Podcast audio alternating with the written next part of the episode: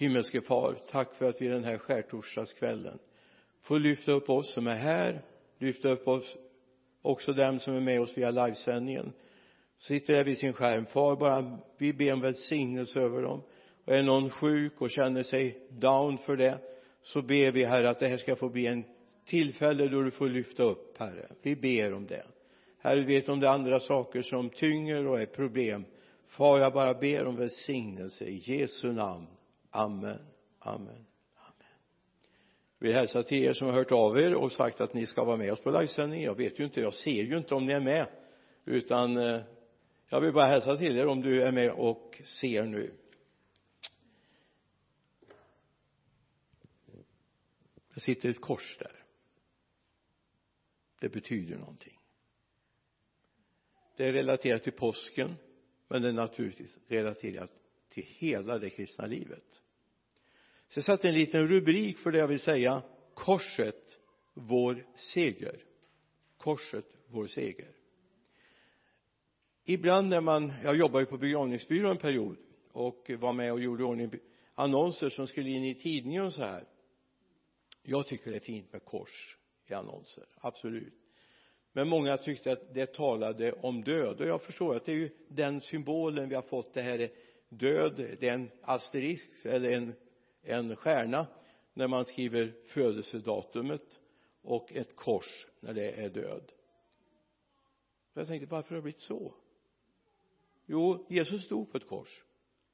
Men det var ju bara en tillfällighet för han gav sitt liv och han tog igen det står det. Så jag tycker korset är ett segertecken åtminstone för oss som har tagit emot Jesus och därför vill jag ta er med till första Korinthierbrevets första kapitel vers 18 kanske läser någon vers till. Ordet om korset är en dårskap för dem som går förlorade men för oss som blir frälsta är det en Guds kraft. Det står ju skrivet jag ska göra slut på det visas visdom och förakta det förståndigas förstånd var är de visa? Var är de skriftlärda? Var är den här världens debattörer? Har inte Gud gjort det här världens visdom till dårskap? Ordet om korset. Är en dårskap för dem som går förlorade. Men för oss är det en Guds kraft. Det är nästan som jag kan säga amen. Jag hade en liten konversation här före gudstjänsten med en som skulle ansvara för lovsången i början av vår bönedag imorgon och skrev och frågade om det gick bra att ta med en sång. Jag brukar inte lägga mig i det men i och med att vi har lite vikarierande på olika poster just nu på grund av sjukdom så skrev jag jag har läst facit så jag vet att uppståndelsen kommer. Den har hänt. Det var mitt svar på den frågan. Påskens kärna är korset det är centrum. Det är omkring det allt handlar egentligen. Och korset talar om skydd och det talar om befrielse. Påsken talar om skydd och befrielse. Det var ju inte så här att den där påskhelgen var första påskhelgen i världshistorien när Jesus hängdes upp på ett kors. Man visste att det kom en en dag och det som vi nu har som långfredag var tillredelsedagen. Och eh, själva sabbatsdagen kom ju på lördagen och söndagen. Det var liksom de verkliga dagarna. Så detta gjorde att man var tvungen att göra det här klart på något sätt va. Och därför blev det väldigt bråttom att korsfästa Jesus. Men påskens budskap handlar om beskydd och befrielse.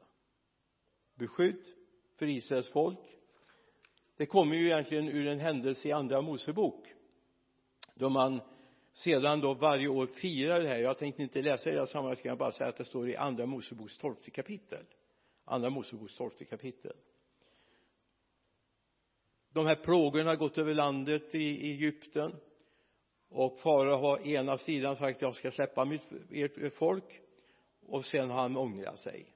Och så blir det tajtare och tajtare och så småningom kommer den sista plågan. Och den plågan skulle Israels folk löftesfolket få vara befriad ifrån. Och då inrättas den första påsken. Hur man slaktar det finns väldigt ordnat vilka som ska slakta och för allt skulle ätas upp nämligen. Så man kunde inte lagra och så ställa in i kylskåpet eller till en annan dag. Allt skulle ätas upp den dagen därför fick man se till att man tog ett lagom stort lamm det skulle vara felfritt.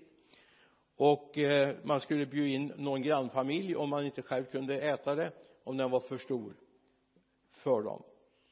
Och så kommer det till vers 13 blodet skulle användas på ett speciellt sätt. Blodet ska vara ett tecken för er på huset där ni är. När jag ser blodet ska jag gå förbi er. Inget slaktoffer ska drabba er med fördärv när jag står, slår Egyptens land. Man skulle alltså ta blodet från det här. Man skulle doppa en, en sak i det och så skulle man bestryka dörrträna och dörrposter och då när ängeln gick förbi som skulle drabba folket så skulle den passera förbi. Därför heter påsk passera egentligen. Passera förbi. Pasché som är ordet så det, det är påsken. Och jag tänkte hur mycket tänker vi på det? Att vi firar påsk för att straffdomen ska gå förbi oss. Jag är, jag är så barnslig så att när jag är i vissa situationer och jag känner här kan det bli hett om öronen. Här kan det bli problem.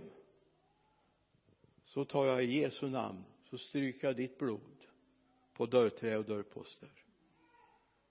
Jag vill ha ditt beskydd det är inte så att människor ska sorteras ut utan människor ska inte komma och ha elaka tankar onda tankar. Jag har sett det fungerar om vi tror på det. Men det viktigaste av allt det är att det som sker på korset alltså ibland är människor väldigt naiva ibland va? Väldigt naiva. För några år sedan kom man på att man har hittat delar till Jesu kors man skulle göra en relik av det. Och så skulle man få åka till eh, en plats och så skulle man få se det här.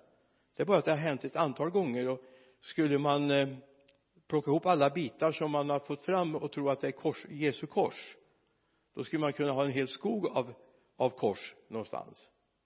Så det, och själva korset som sådant. Om vi skulle hitta det kors där Jesus hängdes upp så är det inte för mer än något annat kors. För det är egentligen själva det som hände där som är viktigt. Det är inte korset i sig själv. Jag tycker korset är jättefint. Det är en oerhört viktig symbol. Men det talar om någonting som hände där. Att vi påminns om att någonting hände. När jag var barn och eller ungdom var jag och brottades med de här frågorna så en långfredag när vi hade kommit hem från kyrkan mamma och pappa var ute och jobbade. Vi hade ju en trädgård de var ute och vattnade. Det var soligt och varmt som nu. Och jag var ensam hemma. Då kom det en man och knackade på och presenterade sig för att vara från eh, ja Jehovas vittnen de hade ett annat namn. De kallade sig för något annat. Och så talade han om hur illa han tyckte om korset. Du är väl inte så dum sa han. Du ser ganska smart ut. Du, du går väl inte på en sån där dumhet som korset? Och jag i min naivitet sa jo det gör jag. Fast jag ser ingen dumhet i det. För mig är det en glädje. Och så försökte han pracka på mig lite böcker och jag har aldrig varit någon som har älskat att läsa massa böcker så att jag tackade nej. Så han fick ingen poäng på sin poängtavla. Alltså det finns människor som tycker att korset är en styggelse. Och jag älskar korset därför jag vet vad som hände på korset jag vet att Jesus vann en seger där som är oerhört viktig. Påskens skiljelinje mellan fångenskap och synd världens ande och Guds befrielse. Allt detta finns i korset. I första Petrusbrevets andra kapitel läser vi vers 24 första Petrus 2 24 han bar våra synder i sin kropp upp på korsets träd för att vi skulle dö bort från synderna och leva för rättfärdigheten. Genom hans sår är ni helade. Han bar våra synder i sin kropp upp på korsets träd. Han bar våra synder. Ta med det. Smaka på det. Alltså korset vittnar också för mig i och med att jag tror på Jesus och det han har gjort så vittnar korset om att min synd min svaghet, mina tillkortakommanden de finns på korset. De har han tagit på sig. Det är inte så att jag har blivit duktigare eller bättre men jag vet mina tillkortakommanden tog han på sig. Det är min, det är min förtröstan för mitt liv att jag kan stå på den verkligheten. I Kolosserbrevets andra kapitel vers 13 ni var döda genom era överträdelser och era oomskurna, er oomskurna natur. Men också er har han gjort levande med Kristus. Han har förlåtit oss alla överträdelser och utplånat skuldebrevet som vittnade mot oss med sin kraft med sina krav. Det gjorde det tog han bort genom att spika fast det på korset. Det finns det jag tänker på en liten bild. Jag hörde den här för rätt många år sedan. En eh, god vän berättade att i deras församling hade de haft dopförrättning och eh, en eh, som, en av männen som har blivit döpt en man i medelåldern han eh, kommer just till eh, när kyrkan håller på att tömmas så går han fram till vaktmästaren för han ser att vaktmästaren står och grejar med dopgraven. Och just när han kommer fram så tar, tar han tag i honom och säger var det någonting du glömde här? Den nydöp, han sa till en nydöp var det något du glömde som jag kan hjälpa dig att få tag i? Nej sa han jag vill bara se när mina synder rinner ut i avloppet sa han. Och vaktmästaren lät honom stå en stund och titta sen smög han nära honom och så tog han och la sin hand på axeln och sa han du jag tycker vi ska titta där istället. Så pekade han på korset. Där är dina synder. Fastspikade så höll han ett litet bibelstudium för om vad Jesus har sagt och var våra synder finns. Han sa det rann inte ut där. Det har han spikat upp på korset. Vår kroppsliga orenhet den kanske rinner ut där. Men vår synd den är fäst på korset på Jesu kors. Och det tror jag är viktigt att vi har den bilden med oss. Det vi har brustit i det vi har gjort fel det är ingenting vi ska yvas över eller föra till torgs. Det finns på korset. Det har han tagit med sig. Därför står jag fri och kan vara glad att han älskar mig.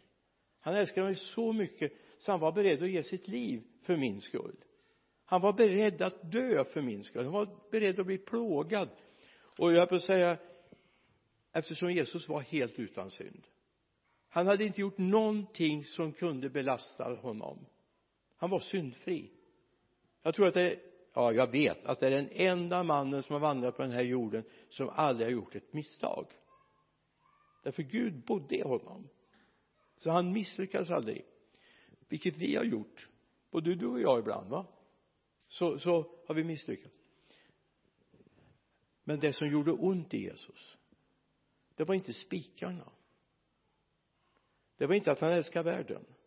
Men han som var så fullkomligt ren blev gjord till synd i vårt ställe står det. Han blev gjord till synd i vårt ställe. Och det är det som är det tuffa för Jesus.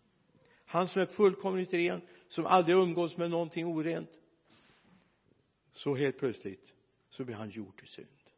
Och det är det som händer i påskhelgen. Och jag är så otroligt glad att jag har läst facit. Jag vet att en dag stod han upp ur graven. Och han lever, han sitter på Gud faders högra sida idag så korset är en befrielse. En befrielse för dig och mig. Så när du ser korset sänd en tanke. Inte till just det korset eller något annat kors som du ser här men till det som hände där det är det som gör att du kan bekänna dig att jag är Guds barn. Du hade inte kunnat vara Guds barn med all den synd som vi var belastade med. Men tack vare att Jesus tog vår synd på sig och blev gjord till synd att det spikades fast på korset så kan jag stå fri och vara glad.